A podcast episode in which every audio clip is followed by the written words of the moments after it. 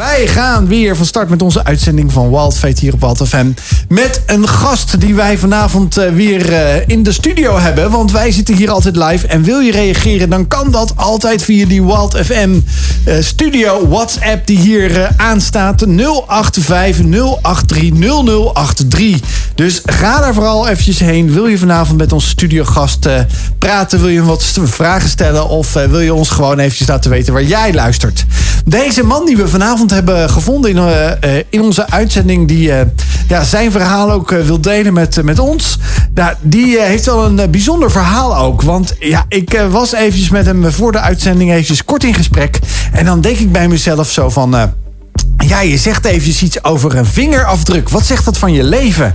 En uh, ja, hoe uh, komt dat in zijn dagelijkse leven nou... Uh, ja, hoe komt hij dat tegen? En ja, ook wat zegt nou iets als je geen paspoort hebt? Nou, ik kan er niet over nadenken wat het nou zou zijn. Want ik ben nu vrij om overal naartoe te gaan waar ik maar wil. Maar hij werkt met mensen die ongedocumenteerd zijn. Die geen paspoort of, of enige vorm van ja, formulier meer hebben... om te laten weten wie ze eigenlijk zijn. Ja, het is echt bizar voor woorden. Maar hij heeft daarnaast ook een bijzonder persoonlijk verhaal... wat hij vanavond met ons wil delen hier op uh, Walter Fan. Het is niemand minder dan Emilio. Welkom.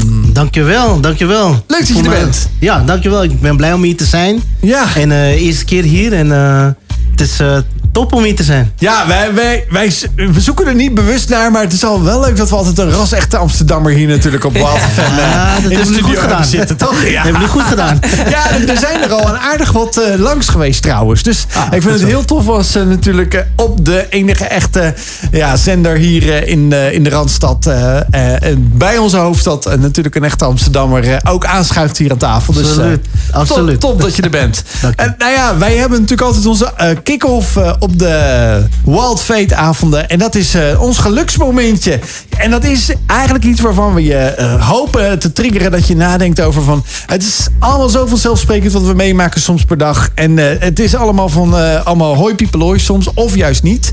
Maar dat je een lichtpuntje misschien in je dag hebt. Of ja, dat van de week hebt gehad, of misschien morgen. Maar ik ben vooral benieuwd, Marije, heb jij er al eentje gehad, zo'n lichtpuntje?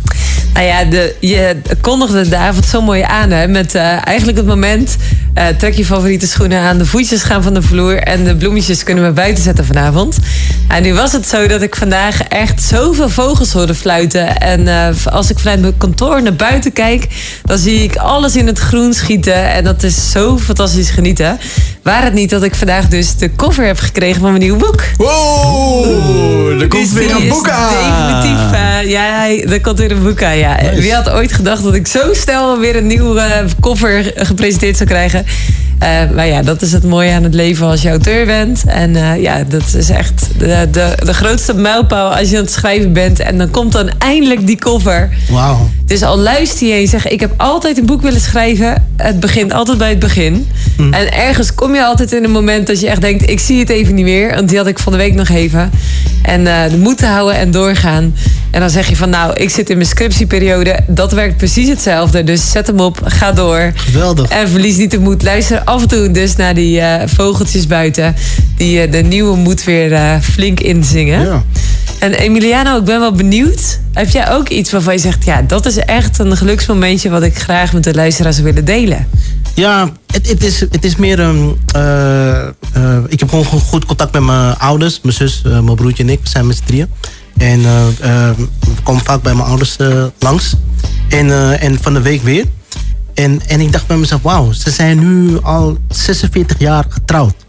46? Ja. Zo. Ja. Wauw. Ja, ze zijn 46 jaar getrouwd. Wow. 46 jaar. Dus 46 jaar geleden was ik twee jaar. En sindsdien zijn ze, zijn ze getrouwd en altijd bij elkaar gebleven. Door dik en dun. Zo. Echt, door dik en dun. En dan denk je, wauw, dit is echt een, uh, is dankbaar. Het is, uh, is uh, niet alleen een geluksmomentje of een lichtpuntje, maar het is een lichtpunt. En ja, dat, dat is echt, uh, echt geweldig. En uh, ja, als je dan daar vandaan komt van, van, van, van je ouders huis, je gaat met een huis, dan denk je van ja, dit is echt uh, mooi. Ja, dat is natuurlijk echt waanzinnig. Ja. Uh, altijd mooi om aan dat soort mensen te vragen: wat is dan je tip? Hè? Dat je uiteindelijk uh, zo lang samen kunt zijn door alle hoogte- en dieptepunten in het leven. Ja, ja. Want uh, petje af, Ja, dat is echt, zeker eh, petje heel mooi. Ja, er zijn gewoon heel veel tips. Ja. Die gegeven worden. Er zijn heel veel tips. We moeten een keer uitnodigen, joh. Ja, nou, eh, kijk eens aan. Ah, dat zouden ze leuk vinden. Een paar eh, Amsterdammers eh, in de studio hebben die kunnen vertellen van... Hey, hoe, maar hoe doe je dat dan? Hoe bouw je dan een duurzame relatie op? En vooral vandaag de dag als eh, trouw en eh, commitment niet Mhm. meer zo'n eh, hot item is, letterlijk en figuurlijk. Zeker, ja. ja Maar eh, Joost, heb je ook nog iets waarvan je zegt... nou, dat wil ik de luisteraar of ons hier in de studio niet eh, weerhouden om te, te laten horen? Nou ja, kijk, het is al een paar dagen geleden. Want we zeggen, kijk, ik maak altijd echt wel best wel veel dingen mee. En ik vind het altijd leuk om dat eh, te onthouden. Dat zeg ik dan altijd maar. Nee, maar de- ik, kijk, het is leuk dat Em- eh, Emalia, eh, eh, Emiliano. Emiliano hier is. Want eh, je zou het niet zeggen, want hij heeft een eh, Spaanse naam, maar hij heeft een Ja. Indische, Molukse background. En ik had toevallig afgelopen zaterdag of zondagavond eh, een etentje van mijn schoonouders, die notabene 48 jaar al eh, getrouwd zijn. Oh, kijk. Laat die, me eh, raden, ja. lekker eten. Ja, en we zijn naar een, eh, naar een Indisch restaurant geweest. om lekker te Oh, heerlijk. Ja, en het is toch wel heel bijzonder om die ja, lekkere spe, ja, spe- specialiteiten, Ja. rendang en dergelijke, lekkere sotto-soep ja, te eten. zeggen, die Dat, soep was ook soep, bekend. Ja, die sotto-soep, keer- die, dat, is, dat komt alleen maar daarvoor. Dus ik, ik heb heerlijk genoten van het eten. En het was heel gezellig samen zijn met, eh, met de familie. Dus eh, ja, wij eh, kunnen de week weer op die manier aan. En nou ja, dat is natuurlijk hartstikke mooi. Ik hoop dat jij ook misschien getriggerd bent door onze geluksmomentjes die wij deze dagen hebben gehad. Of de dingen die, ja, die ons blij maken. En dat je er zelf ook eens over nadenkt. En dat kan je doen lekker onder deze gospel dance. We zijn de komende twee uur bij je om ja, heerlijke gospel dance te draaien en in gesprek te gaan. We zeggen altijd een goede combinatie op die woensdagavond. En eh, we hebben er altijd een spraakmakende studiogast die ons eh, erbij helpt. Zodat we niet altijd met z'n tweeën hoeven te babbelen, Marije. Maar eh, we hebben vanavond Emiliano die hier te gast is. Ja, nogmaals welkom. Ja. En ja, leuk dat je vanavond met ons mee praat eigenlijk over jouw verhaal. wat jou bezighoudt en hoe jij eigenlijk op de plek bent gekomen waar je nu bent. Maar dat begint eigenlijk altijd met een verleden. Ja, Ja. en dat is een eh, turbulent verleden, heb ik, eh, heb ik begrepen. Dat dat niet eh, zo vanzelfsprekend is. Nee, niet, niet, niet alles is vanzelfsprekend. En kijk, ik ben in Amsterdam geboren, opgegroeid. Zoals je dat hoort aan mijn accent. Hè? Echt Amsterdammer. Jazeker. Hè? En ik ben wel christelijk opgevoed. Eh, mijn vader komt uit de achtergrond van, eh, van, van eh, drugsverslaving, criminaliteit. van, van een Molukse afkomst. Mijn moeder ook van Molukse afkomst. En in de jaren 50, eh, eind, eind 50, begin 60 zijn ze naar Nederland gekomen. En in Amsterdam gaan, gaan wonen. Ze hebben elkaar ontmoet in Amsterdam. In de club eigenlijk, in de discotheek. En toen zijn ze gaan samenwonen. Toen kregen ze kinderen. Eerst mijn zus, en dan kwam ik. En, eh, en eh, toen, toen ik twee jaar was, toen zijn ze eh, tot bekering gekomen. Mijn vader is tot bekering gekomen en die, die is van de drugs af. En ook van de criminaliteit. En uiteindelijk mijn moeder ook. Die was nieuwsgierig geraakt omdat mijn vader tot bekering wa- was gekomen. En er was ineens vrede in het huis. Toen dacht ze, hé, wat is dit voor raars vrede? En, en, en, en, heel ongemakkelijk. Want hoe, hoe, wat was het contrast? Hoe was het daarvoor? Eh, daarvoor, eh, daarvoor was ze eh, meer een, een moeder die voor haar kinderen zorgde. En die probeerde ervoor te zorgen dat het thuis veilig zou zijn. En, en mijn vader was iemand van de straat. En die bracht altijd die jongens van de straat in het huis. En dan was hij ook een drugs aan het dealen. Ook zelfs met de Chinese maffia in Amsterdam. Zo. Op de, op de. Samen met de, de Surinaamse vrienden. En, en eh, eh, hij was, door de straat was hij ook agressief geworden. Ook omdat hij zich voelde afgewezen door de Nederlandse regering. Wat er in de geschiedenis was gebeurd met de Molukkers. Dat ze een eigen staat zouden krijgen. En dat is niet gebeurd. En, daardoor voelde hij zich ook afgewezen.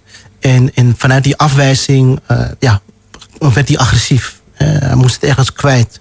En dat, die agressie kwam ook in, in, in het huis. En zij was iemand die dan zorgde voor de kinderen. Maar het moet veilig zijn, veilig blijven. Maar ze voelde zich wel eenzaam erin.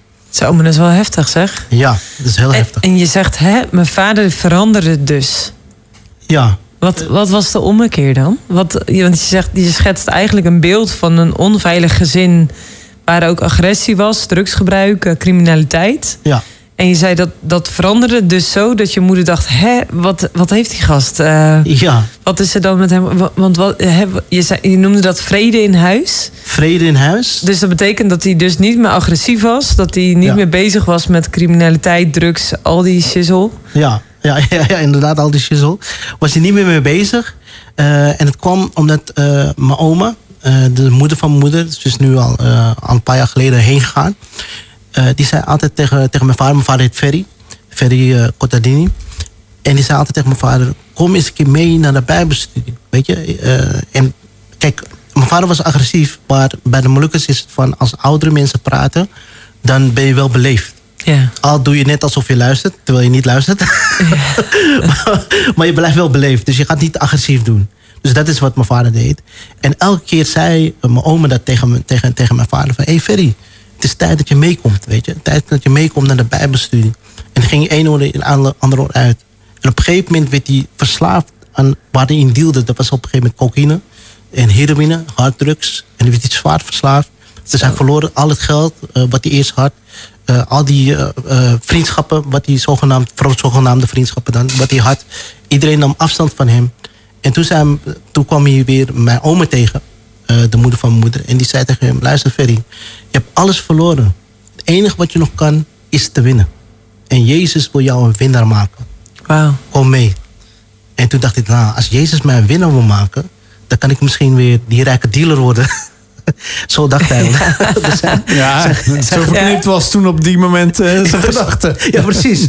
Zijn, zijn, zijn, zijn gedachte was gewoon eh, hè, heel eh, nog eh, corrupt, alles. Dus hij ging mee naar de Bijbelstudie in de huiskamer van mijn oma. En dat was een Molukse dominee. En die, die was aan het prediken.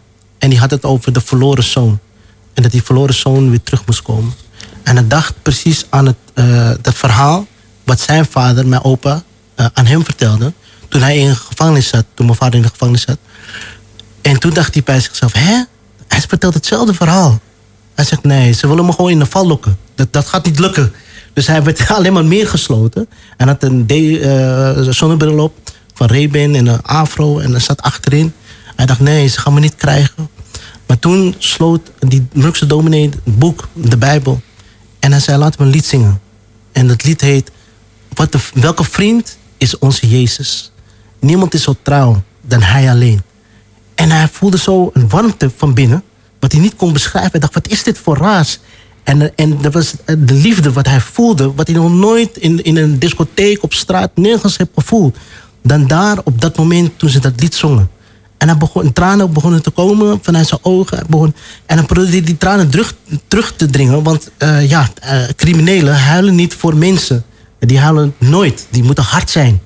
En, en hij kon het niet meer tegenhouden. Hij begon te snikken, te snikken. En die moeilijkste dominee was voor, stond voor zijn neus. En hij zei, Jezus is hier. En mijn vader zei, ik weet niet wie hier is. Het is wel spooky hier. en, eh, en toen zei die moeilijkste dominee, eh, laten we bidden. Weet je? En eh, toen begonnen ze te bidden. En hij zei, bid het gebed met me na. Als je, als, je, als je zegt van, weet je, als je de liefde van Jezus wil ervaren. Dus mijn vader zei, ik ben tien jaar verslaafd aan drugs. Vijf jaar, of tien jaar zit ik ook in die criminaliteit. En ik wil er vanaf. En toen zijn ze gaan bidden van Heer Jezus, wilt u hem van de drugs afhalen. En sinds dat moment, het is echt een wonder. Mensen, weet je wel, die waren erbij daar zo. Is hij van die drugs af. En toen kwam je, op die manier kom je thuis met de vrede en de liefde van God. En dat wil niet zeggen dat het hele gedrag eh, was veranderd. We, we hebben moeilijke, zware tijden ook meegemaakt in het huis. Van mijn vader moest leren hoe te communiceren. Eh, hij, was altijd gewend van, hé, hey, breng me een kop koffie, breng me een kop thee. Nu, nu, nu moet het gebeuren. Want zo was hij het gewend. En hij moest het leren. En gelukkig hadden we lieve pastoors, voorgangers vanuit de kerk... die eh, ons hele gezin erin hebben geholpen. En ja, en sindsdien ben ik christelijk eh, opgevoed. En ik zeg altijd, al ben je christelijk opgevoed... hoeft niet te betekenen dat je een christen bent. Een christen zijn is een keuze die je zelf eh, moet maken. Je moet erachter staan. En, en ik, ik was toen negen jaar. En ik dacht, ja, ik wil, ik het doen. En we woonden toen in Amerika. We gingen naar Amerika, want mijn- ouders eh, die deden missiewerk. Mijn moeder was ondertussen ook tot bekering gekomen. Mijn zus bleef hier achter in Nederland. Mijn broertje ging mee naar Amerika. We woonden daar bijna voor een jaar. En eh, die prediker in de kerk begon te prediken. En toen dacht ik, ik kom naar voren. Want dat is wat ze doen. Ze zeggen, als je je hart wil geven aan Jezus, kom er naar voren. Want wat is dat? Wat is er dan voor in, in die ruimte te vinden? Ja, wat, wat ze in de kerk zeggen is dat, dat je dan dicht eh, bij God bent. Bij, de, bij het altaar van God. En dat is eh, iets symbolisch wat ze dan zeggen. Dan, kom je, kan je voorin staan.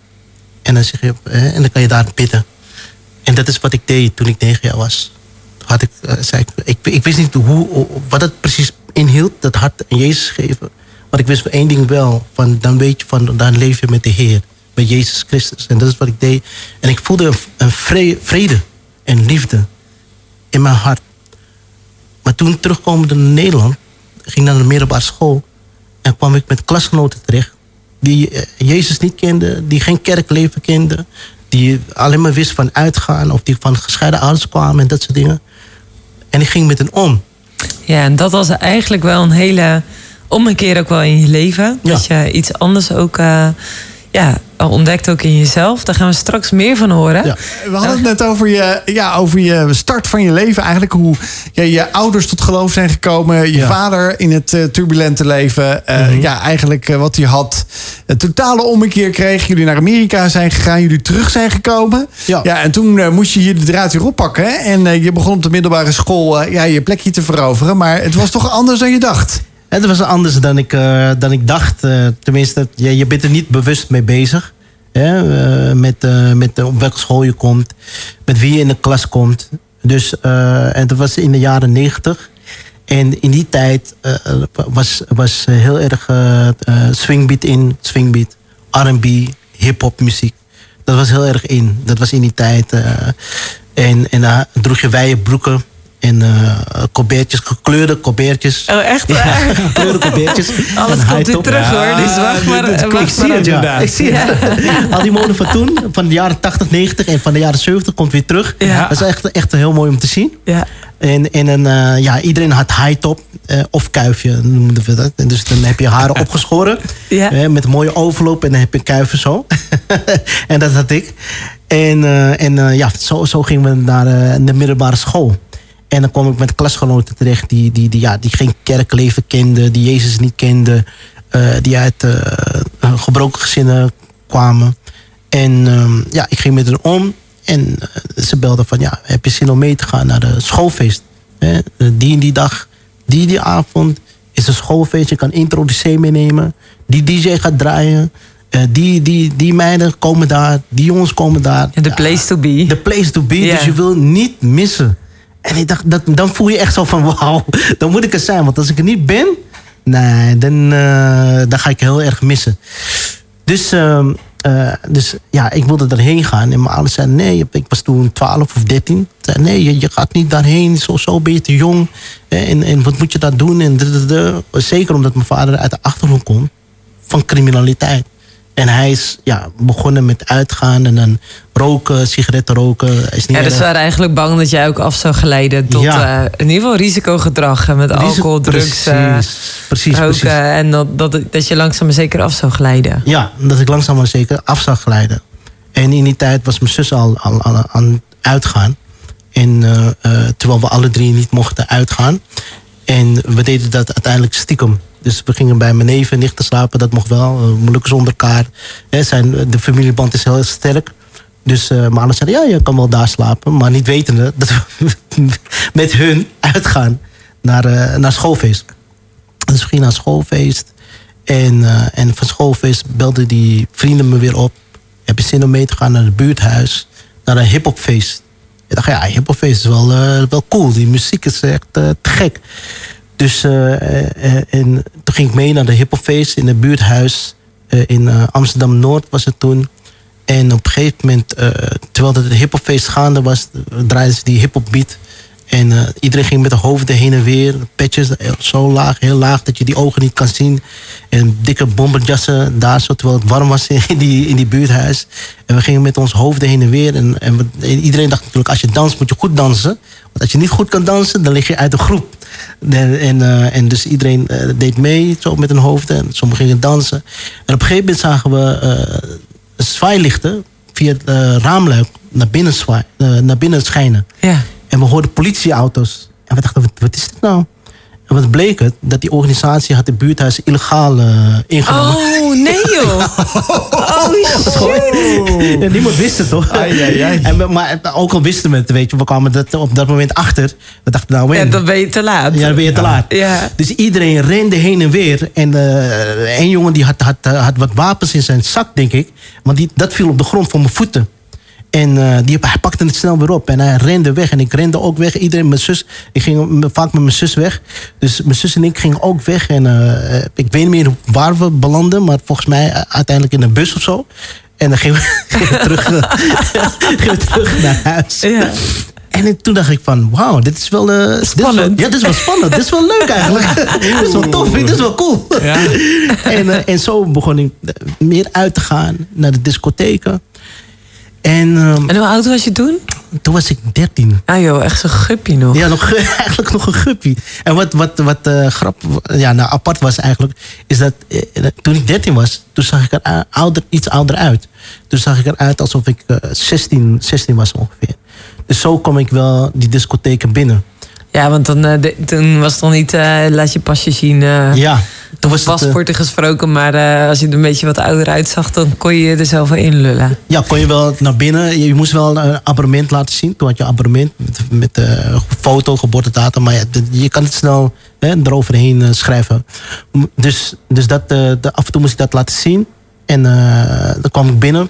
In, in Zandam had je een grote discotheek daar zo. Eh, dat heette, eh heette Palace. Eh, voor, voorheen heette het Metropool, later heette het Palace. Ging daarheen.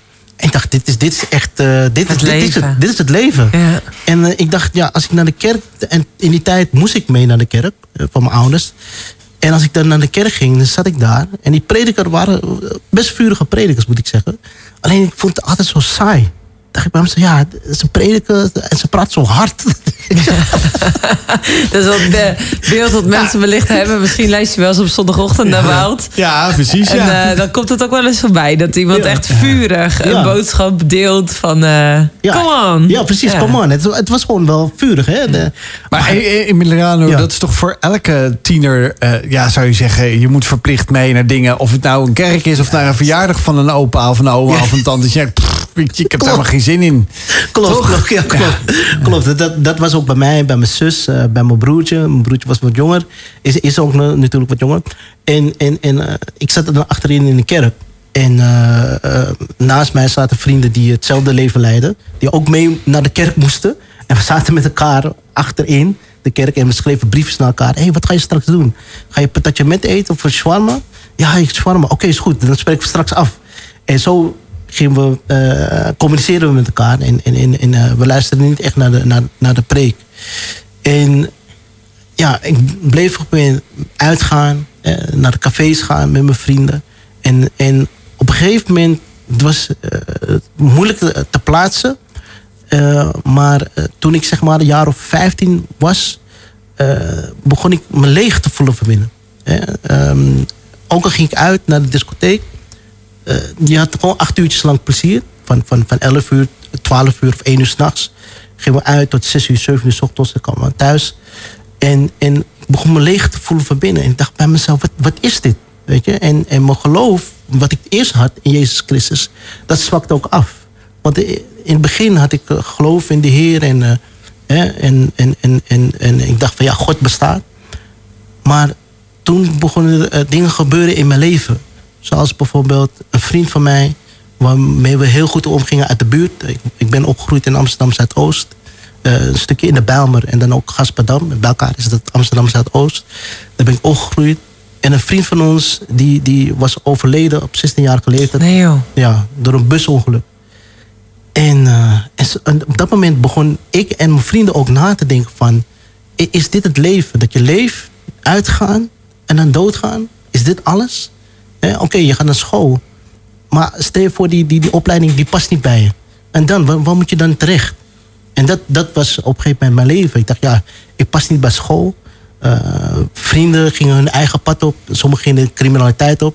En ik wilde juist niet de criminaliteit opgaan, omdat mijn vader zat al in de criminaliteit voorheen. En ik wilde ook niet de- eh, ervoor zorgen dat mijn vader zoveel zorgen over mij zou hebben en mijn moeder. Ja, dus je, je had bepaalde dingen, wist je echt zeker van, nou, dat pad wil ik in ieder geval niet gaan. Klopt. Maar juist het niet weten wat dan wel, zorgde dan echt voor een stukje, ja, je noemt dat leegte. Een beetje eh, Ja. machteloosheid of zo, verradeloosheid van, nou, pff, Ja, ik weet het even niet meer. klopt, klopt. Eh, leegte, inderdaad, machteloosheid van ik weet het niet meer. Ik wist ook niet dat wat voor talent ik heb. Eh, want mijn neefje die, die speelde destijds bij Ajax. En ik ga altijd mee met mijn neefje. Mijn neefje en ik waren goede eh, vrienden. We gingen elkaar, met elkaar om, net als broers. En ik ging altijd mee naar die trainingen. En hij, hij speelde bij Ajax in de jeugd. eh, Met, toen, toen de tijd was het met Patrick Kluivert, eh Clarence Seedorf, al die bekende voetballers. En zo heb ik ook die andere bekende voetballers toen daar gezien. Ik dacht, ja, hun hebben dat talent. Maar ik, heb, ik heb dat niet. Een andere neef was danser. Die had de wereldtournee geda- gedaan. Met allerlei soorten bekende artiesten van Amerika. Ik dacht, ja, maar dat heb ik ook niet. Ik kan niet, eh, weet je, ik heb geen talent om te dansen. En toen dacht ik, ja, wat ben ik eigenlijk? En ik begon me allerlei soorten vragen te stellen. En op een gegeven moment voelde ik me als een ni- nietsnut eigenlijk. Hè? Om het even zo te zeggen. En begon me daardoor nog leger te voelen. Eenzaam, leeg. Ik, eh, ik, ik sprak ook niet meer met vrienden af. Ik ging alleen naar de stad. Alleen uit. Eh, of ik bleef lang thuis in de nacht. kijkende naar de tv. Terwijl de programma's waren al afgelopen.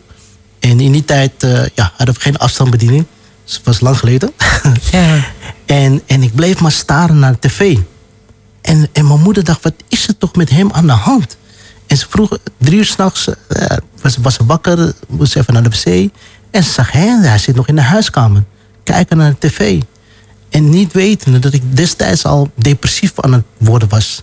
Ik was echt, ik voelde me minder waardig. Ik dacht, nou, dit, dit, dit, hè. En, en, en die jongens die dus de criminele pad eh, kozen, daar ging ik niet meer mee. Dus ja, met wie moest ik dan omgaan? Mijn neefje was druk met eh, voetballen.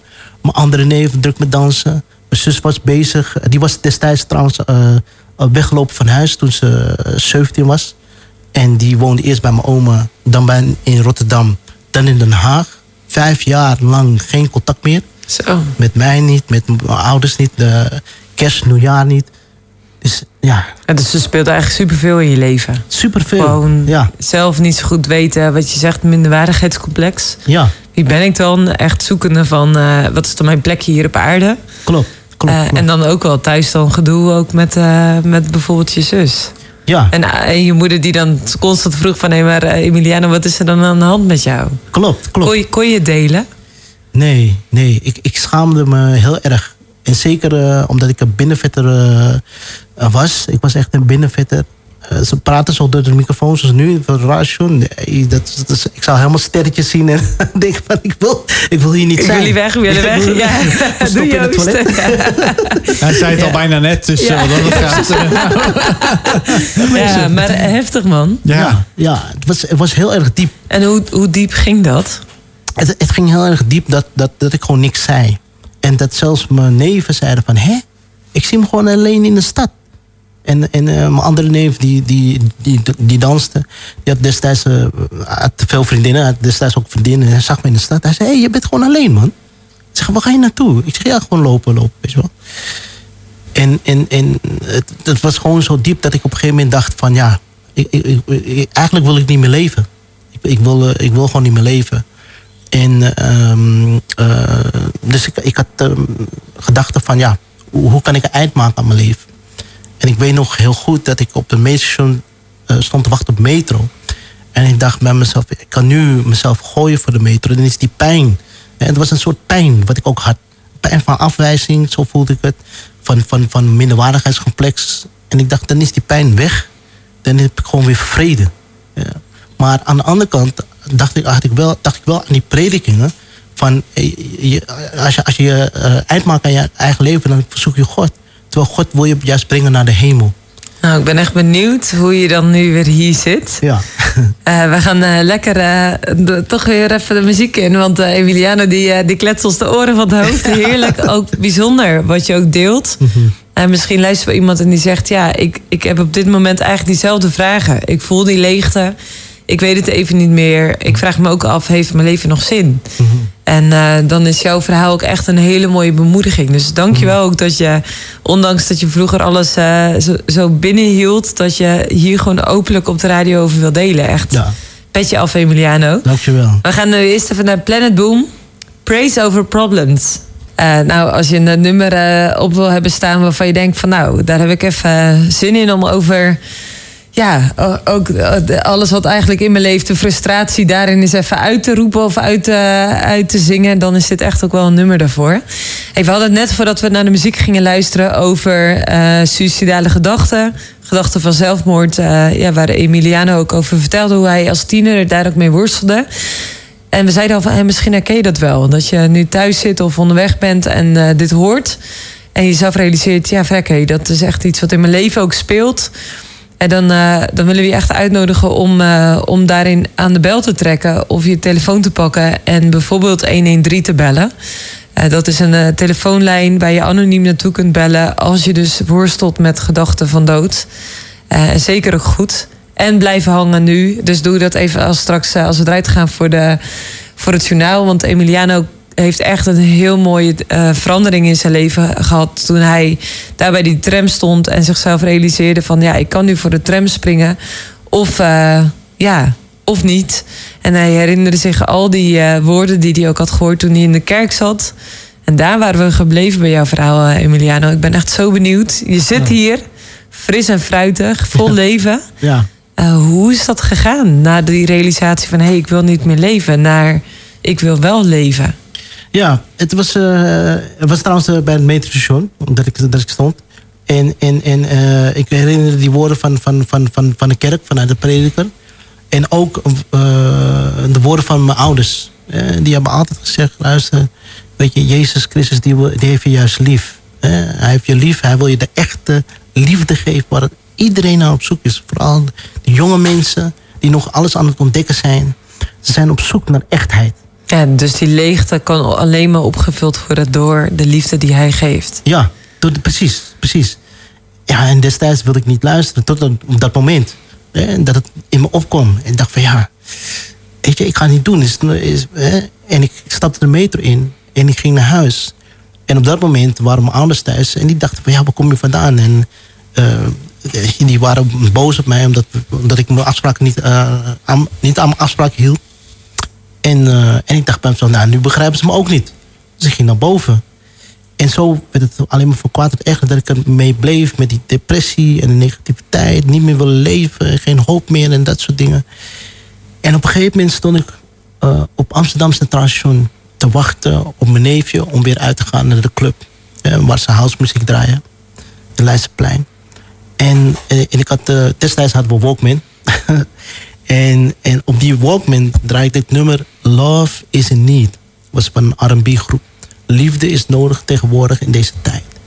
En tranen kwamen in mijn ogen. En ik dacht, ja. En ik zag eh, vrienden afspreken, jongens, meisjes afspreken. En ik dacht, maar zo, man, we leven in een wereld waar jongeren op zoek zijn, wat ik dus zei, naar echtheid. En die, die, die kunnen we niet vinden. We- mensen lopen met pijn, verdriet, die het niet kunnen uiten. En ik, ik, ik dacht maar zo, als ik, als ik God, als ik eh, aan God vraag, geef me nog één kans. Hè, om uw liefde te ervaren. Dan misschien kan ik ook wat betekenen voor deze jongeren. En, en zo begon, het, begon ik te denken. En tranen kwamen in mijn ogen. En ik droogde snel mijn tranen van mijn neefje kwam eraan.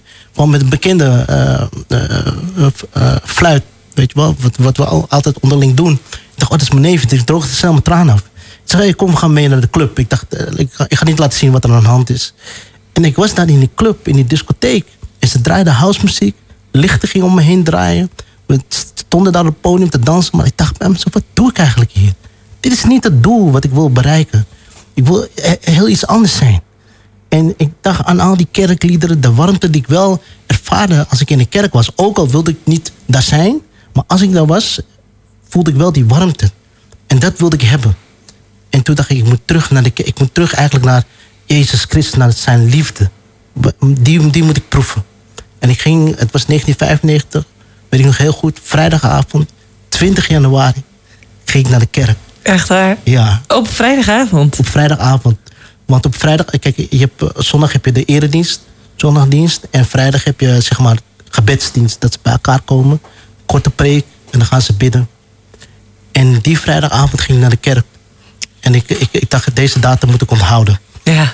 En ik, ik zat achterin met een petje op. Laag dat mensen niet konden zien. Kijken in mijn ogen. Wat er precies aan de hand was. En ik zat achterin. Ik hield iedereen een beetje op afstand. En ik was sowieso geen prater destijds. En uh, prediker ging prediken. En na zijn preek zei hij... Als je gebed nodig hebt, kom dan naar voren. Weet je, dat was weer het moment hè, dat je naar voren kan komen. ja. Net zoals toen je negen was. Ja, net als toen ik negen was. En ik dacht, nee, dit, is nu, dit moet nu mijn kans zijn om het met beide handen te grijpen, om weer de liefde van Jezus te ervaren. Of ik doe het voor de volle procent, niet voor 80 procent, niet voor 99 procent, maar volle, volle 100 procent wil ik ervoor gaan. Anders gaat het niet werken. En ik ging naar voren en ik stond voor het podium. Ik zeg, heren, als u mij nog één kans wil geven om uw liefde te ervaren, dat ik wat kan betekenen voor de jongeren daarbuiten, doe het alsjeblieft nu. En toen ik dat gebed bad, toen voelde ik zo'n warmte komen van binnen. Net zoals hoe mijn vader dat heeft ervaren. En, en, en ik begon te huilen. Niet van verdriet, maar er kwam een soort blijdschap, vreugde, kracht. kwam van binnen in. En ik ging om mijn knieën, mijn, hoofd, eh, mijn petje viel van mijn hoofd af. En ik dacht wel bij mezelf, oh, nu gaan ze mijn afro zien. ik had mijn haren niet geknipt. dat dacht ik wel ondertussen. dus ik probeerde mijn handen zo op mijn hoofd te zetten. zodat ze mijn haren niet eh, konden zien of zo. En ik begon spellen te huilen. En ik dacht, oh my god, wat is dit? En, en, en, en toen, toen, toen stond ik op. En ik voelde zo'n kracht, zo'n kracht. Dat ik wist, dit is de kracht van God. En, en, en, en het was zo'n eh, kracht van overwinning. En sindsdien, eh, sinds dat moment, was die, was die depressie, was die negativiteit was omgedraaid in meer dan eh, positiviteit. En die avond zijn een groep mensen van de kerk, we gaan naar buiten. We gaan mensen vertellen over Jezus Christus. Ik zeg, ik ga mee. Wauw, wat een ommekeer. ik zeg, ik ga mee, ik ga nu mee. Ja. En ze zeiden, maar, maar, maar, maar wacht, rustig, rustig, zeiden ze. Want, want je bent net, eh, weet je, heb je net gebeden en zo, eh, weet je. Ik zeg, ik zeg, maakt niet uit. Ik wil nu, nu moet ik, ik moet het kwijt. Ik moet, wat ik nu gebeurde, wat ik nu voel, ik moet het kwijt. Ik moet het vertellen aan de mensen. En we gingen de stad in. We gingen eh, echt in, in het centrum van de stad waren we. En ik kwam vrienden van me tegen die ik van vroeger kende. En ze zeiden, hè, je, je straalt. Je, je, je straalt helemaal blij, blijdschap en, en eh, je, je, je. Wat, wat is er gebeurd? Ik zei, ja, ik, ik heb mijn hart aan Jezus gegeven. Ze zeiden, hé, wanneer? Net, eh, ik zeg, ja, net, eh, ik weet niet, negen uur, tien uur s'avonds. I don't know. hoe. Ik zeg- totale ommekeer in totale je hele ommekeer. leven. Nou, ik ben heel benieuwd eh, hoe je dat tweede uur dat ons nog meer kan aanvuren. Wat dat allemaal voor je betekend heeft in je leven. Ja. En daar gaan we straks na de plichtplegingen meer over horen. En zoals ik je al zei, we zijn er met Emiliano in gesprek. Het eerste uur heeft hij heel duidelijk ja, een beetje verteld eigenlijk uit wat voor nest hij kwam. Waar zijn vader zwaar in de criminele circuit zat en eh, in de zware criminaliteit eh, zat. En uiteindelijk een totale ommekeer heeft eh, gekregen door echt een ontmoeting met God. En daarin het gezin een totale ommekeer kreeg. Eh, Emiliano ook meeging in het geloof, in het christelijk geloof. Ook daarna een ja, totale afzet ervan kreeg. eh, bijna depressief werd. Zich eh, ja, bijna gevoeld eh, voelde de- om zich voor de metro te gooien. We zeiden ook, heb je dat? Ga dan ook naar 113 eh, zelfmoordpreventie. Laat je daar vooral niet eh, door, eh, door leiden. Maar eh, ga met mensen in gesprek. Ja, en uiteindelijk is dat ook zijn ervaring. Door eigenlijk een echt een nieuwe ontmoeting met Jezus te hebben. En daarin merkte hij ook van... wauw, ik ben zo echt door Jezus nu gepakt in een dienst of in een gebedsdienst op vrijdagavond, zei je al. Klopt. En eh, dat hij zegt van ik ga gelijk de straat op. Ik wil gelijk vertellen over Jezus. Maar voordat we daar eh, meer over gaan weten, ja, dan hebben wij altijd dat eerste uur, het tweede uur. En daar openen wij met een deur die open gaat. Want wij gaan een tijdmachine in, in Mariano. En want wij willen graag weten waar jij onze luisteraars mee naartoe neemt. In welk Bijbelverhaal. Dus we verras ons en laat eens weten. Ja, het is een eh, Bijbelverhaal. Ik wil eh, iedereen meenemen in het Bijbelverhaal. Toen Jezus Christus hier op aarde was, in het Nieuwe Testament. En toen hij hier op aarde was, eh, was hij hier op aarde met een doel om uiteindelijk uh, het liefde te sterven voor de mensen. En hij was ook opgestaan uit de dood. En uh, de Bijbel zegt, ieder die in hem gelooft, zal niet verloren gaan, maar zal het eeuwig leven hebben. Maar voordat dat gebeurde, zat hij met zijn discipelen zat hij op Olijfberg. En zijn discipelen die vroegen van wanneer zal het einde van deze wereld komen? want daar werd er ook vaak over gesproken. En Jezus zei tegen zijn discipelen... dat, uh, dat zal je kunnen herkennen door de tekenen der tijden. De signalen die gaan komen voordat de eindtijd gaat komen. En welke signalen is dat er oorlog zal komen, geruchten van oorlogen, uh, dat er hongersnoden zullen komen, aardbevingen. En dan is het einde nog niet. Hè? Uh, dan zullen mensen opstaan die zeggen: Ik ben de Messias, ik ben de Christus. En die zullen andere mensen verleiden. En dat mensen die zeggen ik ben christen, die zullen vervolgd worden. En uiteindelijk zegt de Heer Jezus tegen zijn discipelen... Uh, van de liefde zal verkillen... wanneer de wetsverachting, wetsverachting onder de mensen zal toenemen. Daarom is het belangrijk dat het evangelie van mij, zegt de Heer Jezus... dat het verkondigd zal worden over de gehele wereld. En in die, in die tijd... Uh, uh, leefden ze toen en dachten ze, ja, wanneer, wanneer, wanneer komt het einde der tijden? En Jezus zei, het zal zijn als een, als een, als een dief in de nacht. Het zal onverwachts, wanneer mensen het niet verwachten. En dat is uh, het Bijbelverhaal waar ik de mensen in wil meenemen. Nou, als je nog niet wist wat Pasen over ging, bij deze. Pasen gaat over Jezus die opgestaan is uit de dood. Uh, Emiliano die deelde dat net al even toen hij begon met... ik neem je mee terug in de tijd, in de tijd waar Jezus leefde. En uh, hij is gekomen naar de aarde als zoon van God... en hij is gestorven aan het kruis, maar daar is het niet gebleven. Hij is namelijk weer opgestaan. Dit is wat Innovation echt super tof bezingt in hun nieuwste song. Hij leeft. Nou, mogen dat duidelijk zijn? Ja. En uh, uh, Emiliano die deelde al over het feit dat hij zei... ja, hè, ik had zo lang zo'n leegte in mijn hart... totdat ik Jezus Christus in mijn hart uit mocht nodigen... en mijn hart werd gevuld met zoveel liefde... dat het mijn wereld op zijn kop zette. Ja. Eigenlijk net zoals dat God dat al eerder bij jouw vader gedaan had. Ja, en was moeder. het ook nu zo. En je kon niet anders dan hop de straat op. En je vrienden zeiden, serieus, wat straal jij? Terwijl Cool. heel veel mensen dachten in die tijd... hé, hey, wat is er mis met jou? Het, het, het vuur Ja. is een beetje uit je ogen. Je bent zo sip, Ja, zo sipdippig. ja zo sipdipper. Ja. en, dan, en, dan, en dan die omkeer. En dan die omkeer eh, dat, dat, dat, ik, dat ik het kwijt moest. Weet je wat ik heb ontvangen? En dat is de liefde en de kracht van God. Waardoor ik, eh, de Bijbel zegt ook, je zal getuige zijn. En een getuige is iemand die zelf heeft ervaren of heeft gezien dat het is gebeurd. Ja. Daar ben je getuige van. En op dat moment was ik gewoon een getuige dat Jezus Christus niet dood is, maar dat hij leeft. Ja, En, en, en dat, dat wilde ik gewoon, moest ik gewoon kwijt. Zeker op dat moment. Ik moest het gewoon kwijt. Ik moest het gewoon vertellen tegen mijn vrienden. Zeggen, luister, echt, Jezus leeft. Hij leeft. En ze zo, ja, oké. ja, is man. Fijn voor jou. Ja, precies. Respect, weet je wel. En dit en dat. Ik zeg, kom, kom, je moet komen naar de kerk, man. Het is geweldig. En, nou ja, en ve- velen kwamen ook mee naar de kerk. Ja. En die werden ook nieuwsgierig. An- Anderen die bleven op afstand kijken. En, en eh, bij sommigen duurde het wat, wat langer, de, eh, nam het wat langer de tijd om te begrijpen hoe, hoe mijn leven zo was veranderd. Eh, want ik, eh, ik ging niet meer om met die vrienden die Jezus niet kenden, maar meer, eh, ik zocht meer de christelijke vrienden op. En, en ja, dus die jo- jongens die begrepen niet helemaal van wat, wat, wat is er nu met hem weer aan de hand. ja. En nu jaren later, hoe, hoe ik zeg maar doorga eh, met, de, met, de, met de gospel.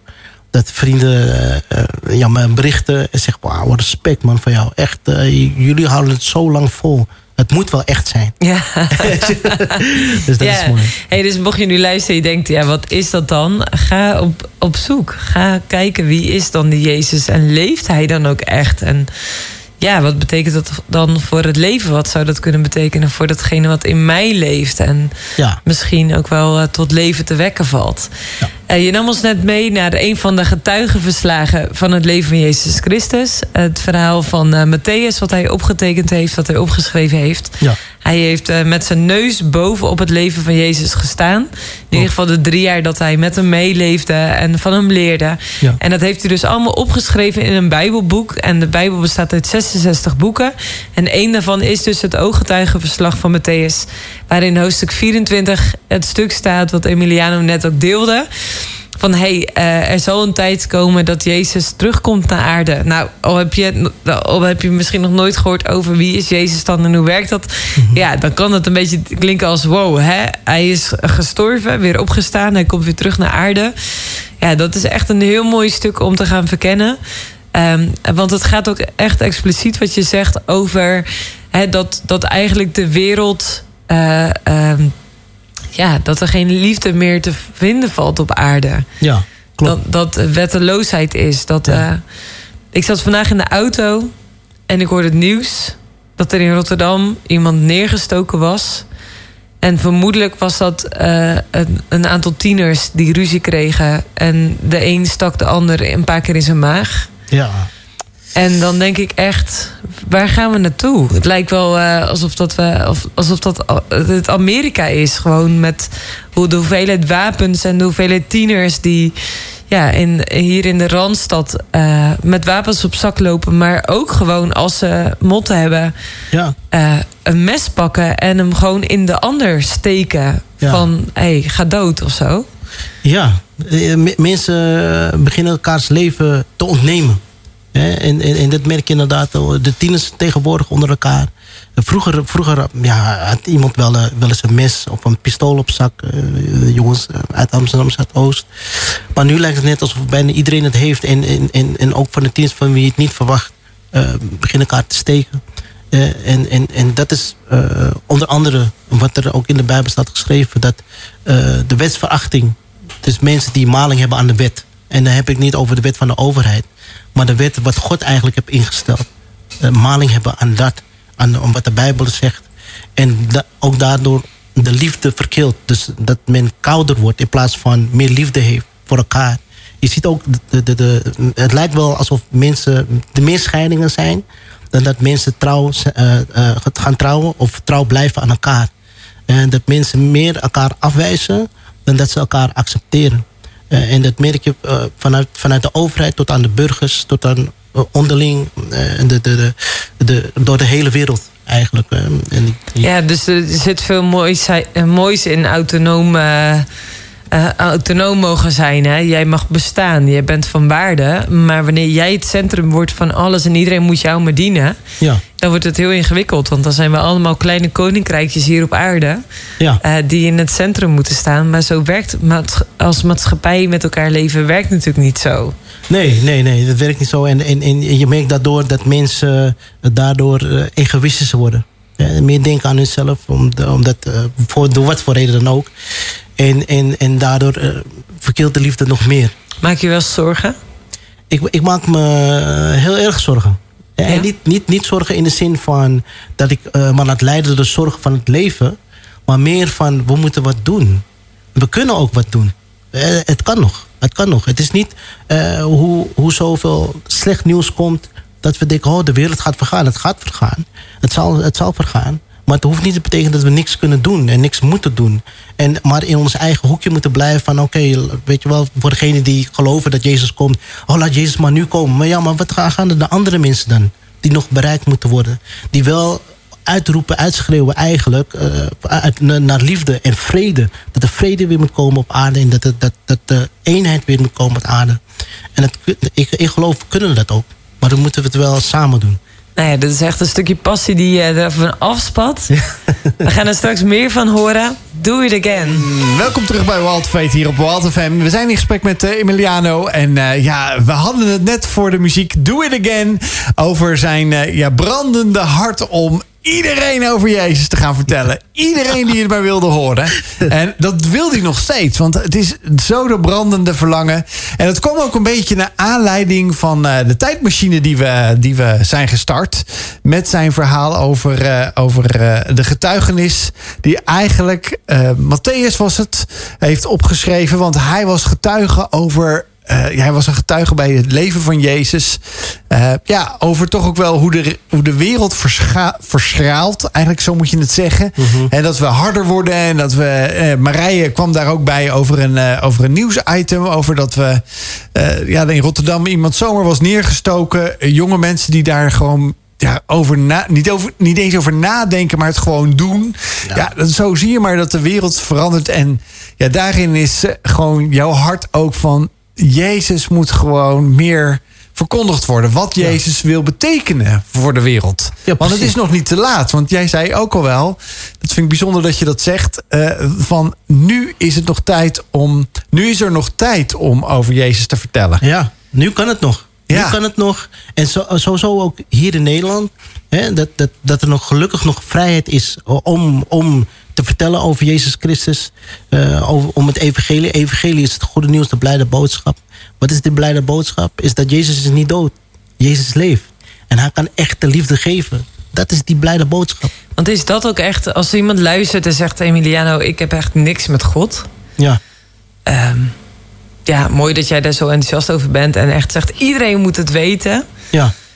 Uh, gaat het dan echt ook over die liefde? Waarvan je eerder zei, hè, die liefde overstijgt echt elke vorm van liefde die je kunt ervaren in het leven. Is dat voor jou echt ook ja, de essentie van jouw geloof in, uh, in God? Dat je zegt, ja, juist door Jezus Christus heb ik dus die liefde ontvangen. Ja.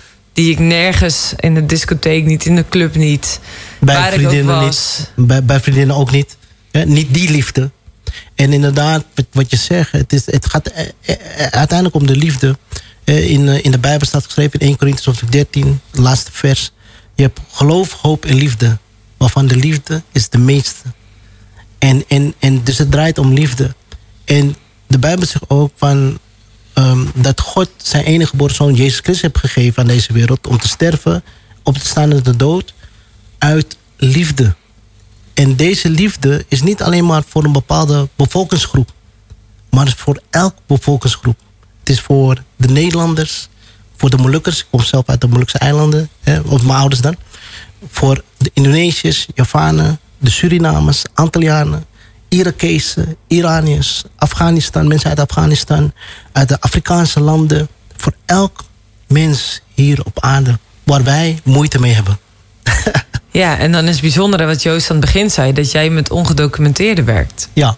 Dat zijn eigenlijk mensen die op papier niemand zijn. Juist.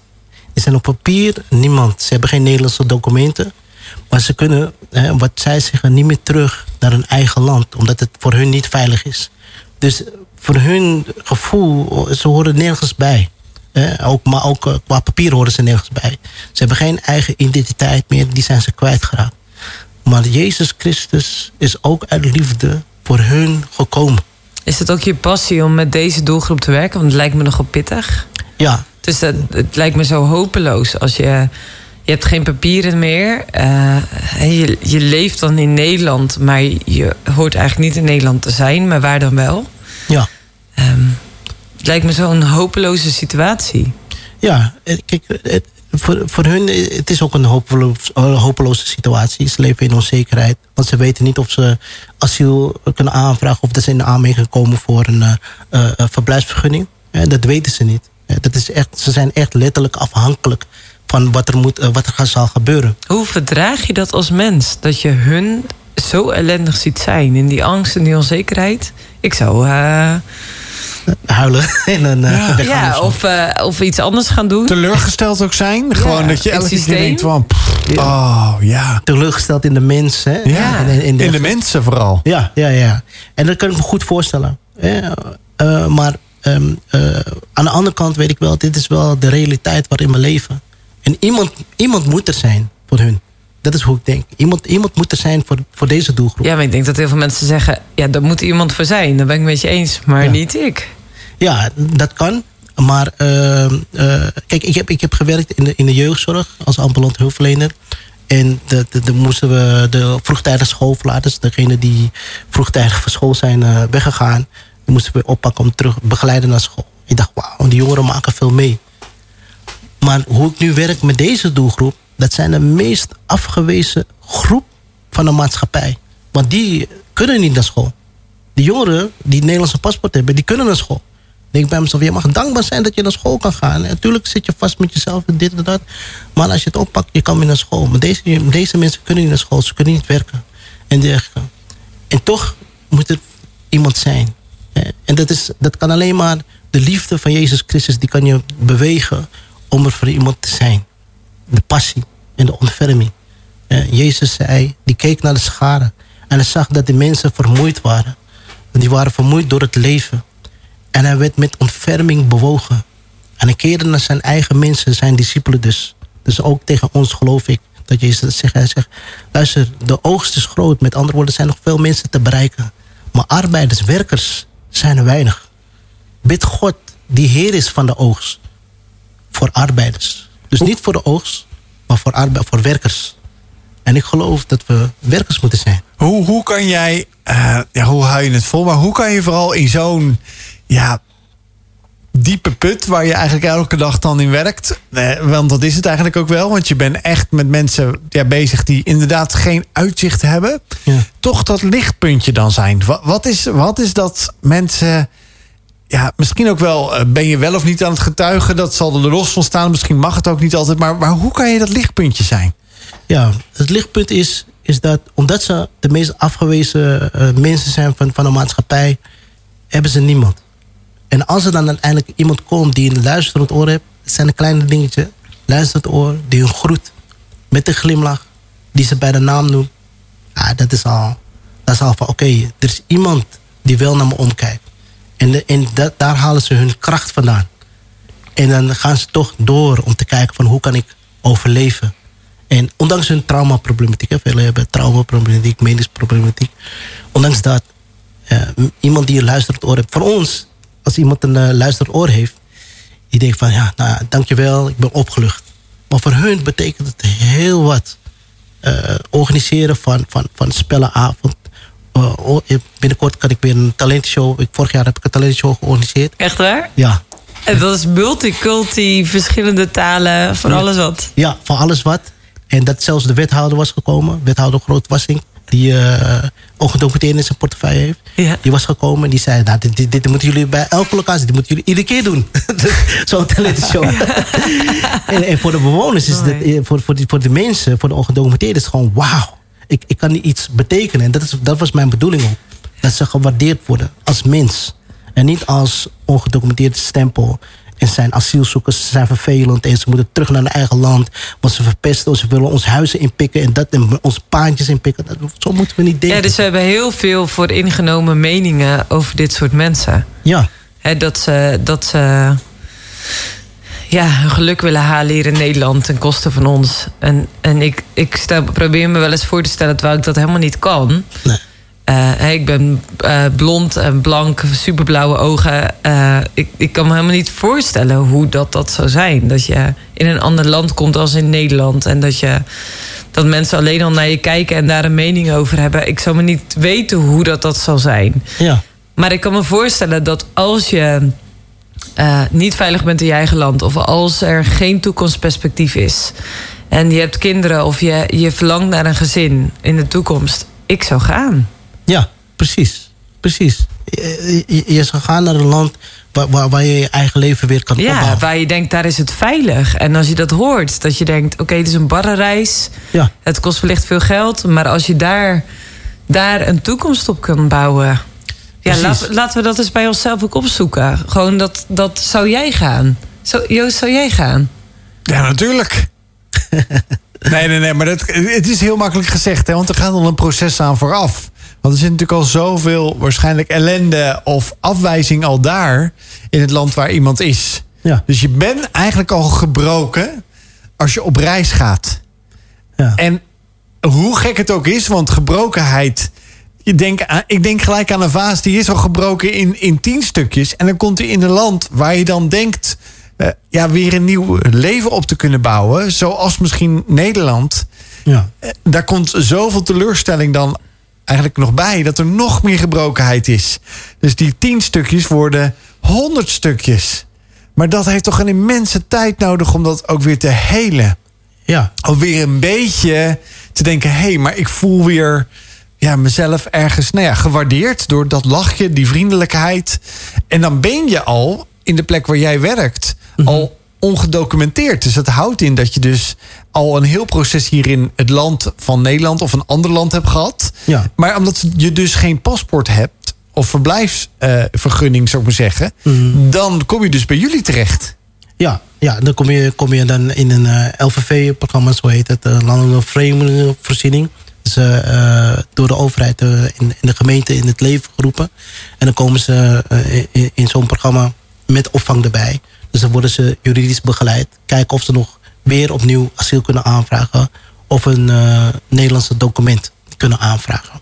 En dan komen ze in dat proces komen ze terecht. En het, het, blijft gewoon onzeker, omdat je niet weet hoe je toekomst eruit ziet.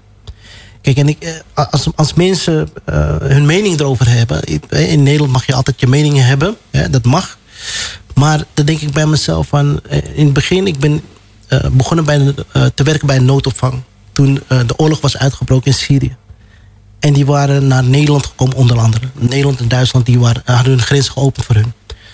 En mensen hadden hun oordeel al over deze mensen, over de Syrische mensen. Ze zeggen, ja, ze moeten terug naar hun eigen land. eh, want straks nemen ze ook eh, de, de, de, ISIS, eh, mensen die leden waren van de ISIS, nemen ze mee. En dan gaan ze ons land eh, bombarderen, dat soort dingen. Maar hoe de mensen hier zijn gekomen en nu een Nederlandse paspoort hebben. Velen hebben nu een eigen zaak, hebben catering, eh, werken, eh, gaan naar school, werken. Eh, werken samen met Nederlandse, eentje eh, zelfs eh, acteur, die werkt samen met Nederlandse acteurs. En ze zijn een aanwinst voor de maatschappij. Omdat ze kwamen niet, misschien niet weg om geluk te zoeken en te profiteren van een ander land. Want dat is wat mensen denken. Maar ze kwamen omdat er echt oorlog was. Ik moet denken aan uh, Verziet. Ja. Die, uh, die was hier twee weken geleden. Uh, hij komt uit Iran. Mhm. Hij heeft moeten vluchten, is christen, kon daar niet meer leven. En hij zei, dat was zo gaaf ook. Dus als je luistert en zegt, oh, daar wil ik eigenlijk meer over weten. Um, hij deelde in de uitzending ook um, van... Um, het is zo mooi dat als je ergens in een land komt... dat je als vreemdeling, tussen haakjes... mee kunt bouwen ter opbouw aan het land. Ja. En dat in de Bijbel zoveel verhalen staan van een Daniel of een um, uh, Nehemia of een Esther. Zoveel Bijbelboeken die genoemd zijn naar mensen die dus in een vreemd land ja. uh, van betekenis konden zijn uh, met hun gaven en hun talenten. Precies, precies. En, en dat is zo'n zo'n om, omdenken ja. is dat eigenlijk. Van hé, hey, wat kun jij dus ook... En net zoals dat Nederlanders waar ook de wereld ondernemen... ergens naartoe gaan emigreren om daar van betekenis te zijn... Uh, en zo is het andersom ook zo. Kan het een hele mooie uh, uitnodiging zijn van mensen van... hé, hey, wat heb jij uh, te geven? Wat zijn je gaven en talenten? Ja. En ja... Schouders eronder, zoals een hele mooie nummer zegt. Nou, uh, een heerlijk nummer zo om, uh, om eens na te denken van... hé, hey, schouders. Op welke schu schouder kun je leunen? Uh, kun je wel eens een traan laten? Emiliano deelde over hoe hij van betekenis kan zijn in zijn werk voor ongedocumenteerden. Mm -hmm. Wij hadden het er even met elkaar over. Hey, wat boffen toch ook als Nederlanders. Dat je in Nederland geboren bent. Dat je Nederlandse papieren hebt. En wat voor voorrecht dat, dat ook geeft. Ja. Dat wij in een veilig land mogen leven. Maar ook de uitnodiging voor ons ook om eens om te denken van oké. Ja, er zijn heel veel mensen die met enorm veel potentie, mogelijkheden, talenten naar ons land toe komen. Uh, die in hun eigen land niet veilig zijn. Hier dus ja, uh, mogen blijven wonen. Ja. papieren krijgen. En dan natuurlijk enorm van betekenis kunnen zijn. Ook gewoon voor ons land. Ter opbouw van het land. Uh, tot opbouw van de maatschappij. En daarin ook van betekenis te zijn. Zoals uh, Farsiet ook deelde twee weken geleden. Mocht je die podcast terug willen luisteren. Dan kan dat via Spotify. Wild Fate, de playlist. Ehm, eh, de, de podcast. Ik zeg het weer verkeerd, vorige week ook al. Ja, zijn we allebei onze- de podcast. De playlist, dan hoor je onze chille muziek. Is Zeker ook een aanrader. Maar als je Wild Fate, de, eh, de podcast luistert... kun je alle opnames van ons ook terugluisteren. En ja, dus zo mooi, Emiliano, dat je ook zegt... Hè, ik, ik, ik zie dat ook een beetje als... Ja, misschien wel een beetje als je roeping. Om daar waar je komt eh, een stuk liefde, een stuk aandacht... een stuk betrokkenheid te geven. Ja. En daarin mensen die misschien geen hoop hebben... die in angst en onzekerheid leven...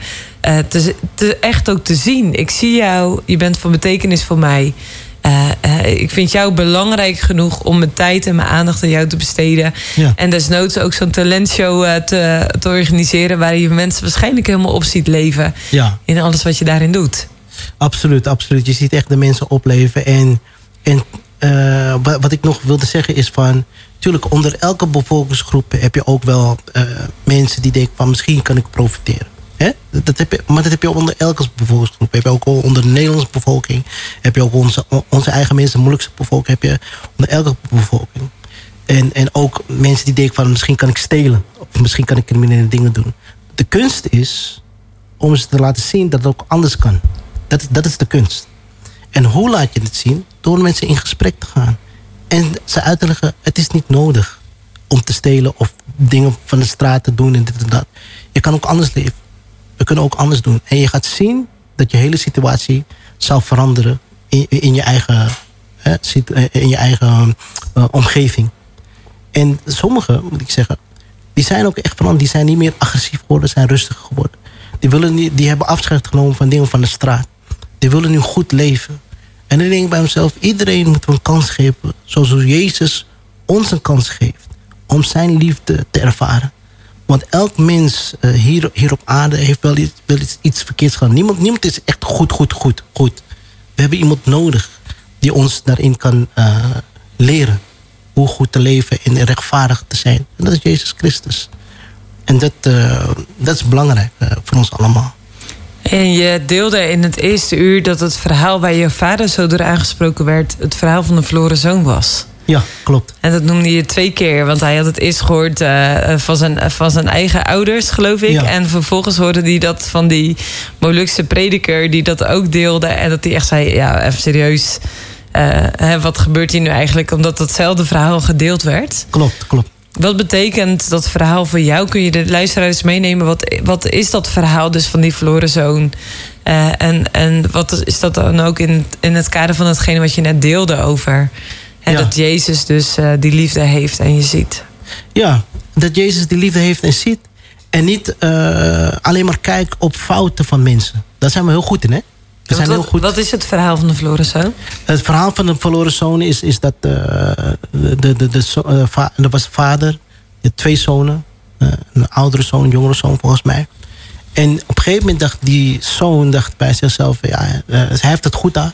Hij had, gewoon, hij had alles wat hij kon krijgen, heet, had hij daar. Maar hij wilde gewoon meer zien van de, van de wijde wereld. En, en ja, op een gegeven moment zei hij dat tegen zijn vader.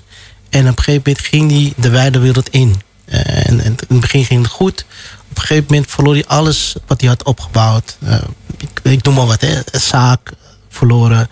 Alles had hij verloren, vriendschappen. En had hij had echt letterlijk niks meer. Geen geld.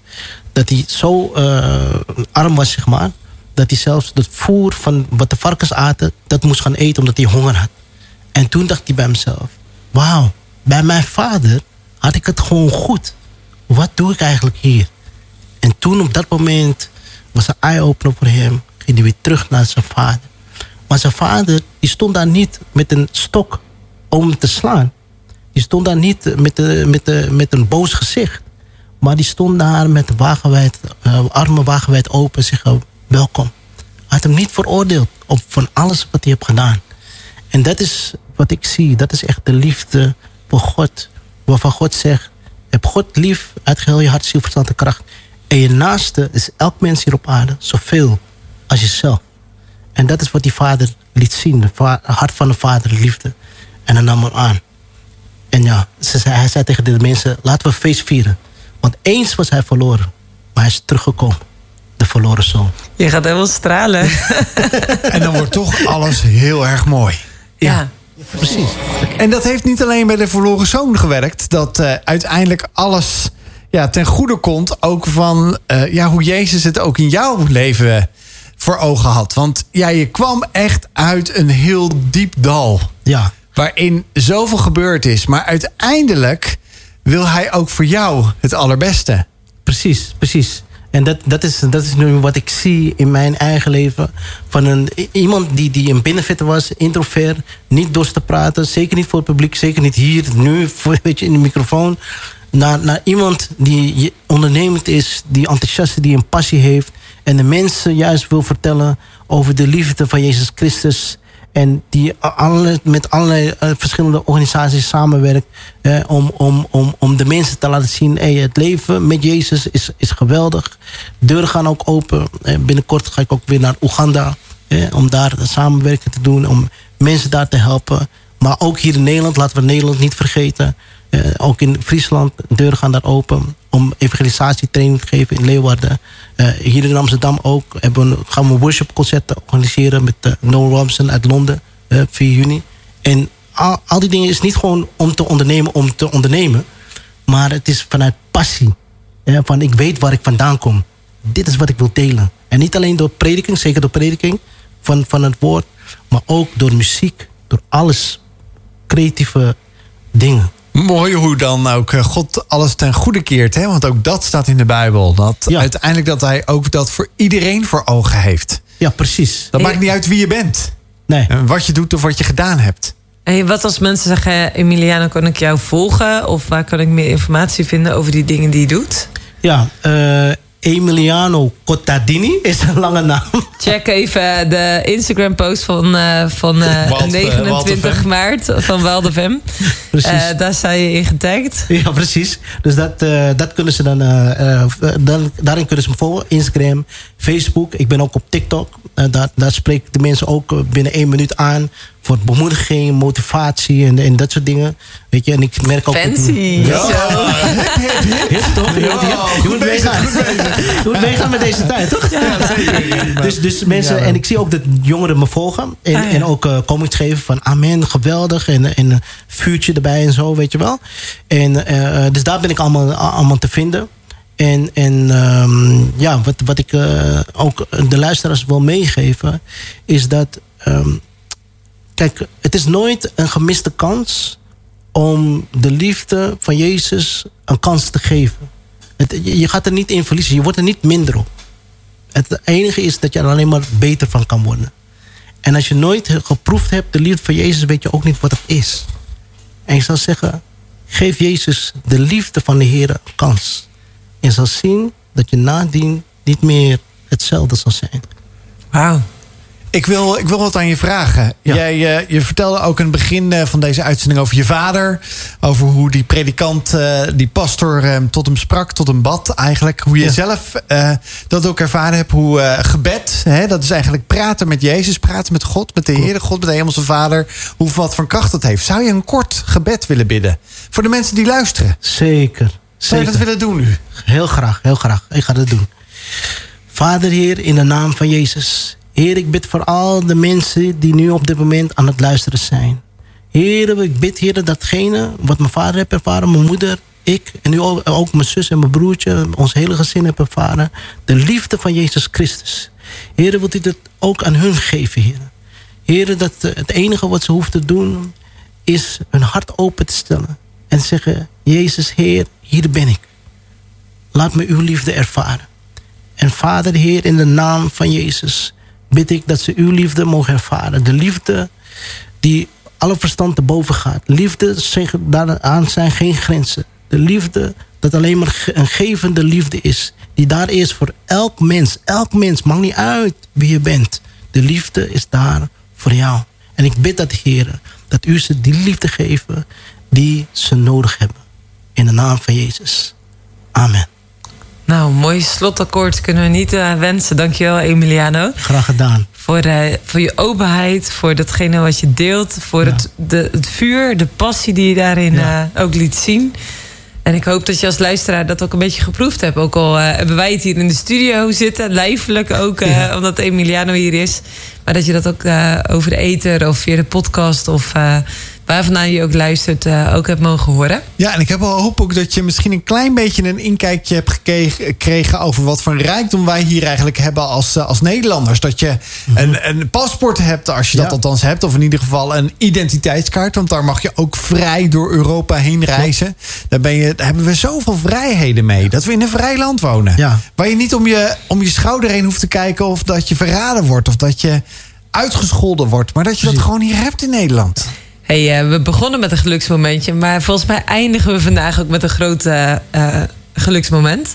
Volgende week zitten we met Arjan Lok hier van de EO in de studio. Ik ben benieuwd naar zijn verhaal. En voor het weten, is het alweer volgende week? Ja, ik heb er ook uh, heel veel zin in uh, weer in volgende week. Want uh, ja, wat dat er gaat, komen we ook steeds dichterbij Pasen. En misschien ook wel voor de vaste Wild FM luisteraar die de switch heeft meegemaakt naar een nieuwe opzet. Die House Top 1000, waarin de, de, hele zender, alle crewleden ook erg naar uitkijken. Want dat vinden ze allemaal prachtig om te genieten. Want het wordt één groot feest hier. Het, het wordt ook een grote leuke ontmoeting met sponsoren, met mensen die kunnen en mogen komen. Die uitgenodigd worden. Maar ook alle DJ's die eraan bijwerken, uh, aan meewerken. Kortom, het wordt één groot feestje hier. Uh, maar daarvoor hebben we nog een heerlijke aflevering Wild Fate volgende week. Wij zijn er weer van de partij. En ik hoop dat jij ook weer meeluistert. Tot volgende week. Absoluut.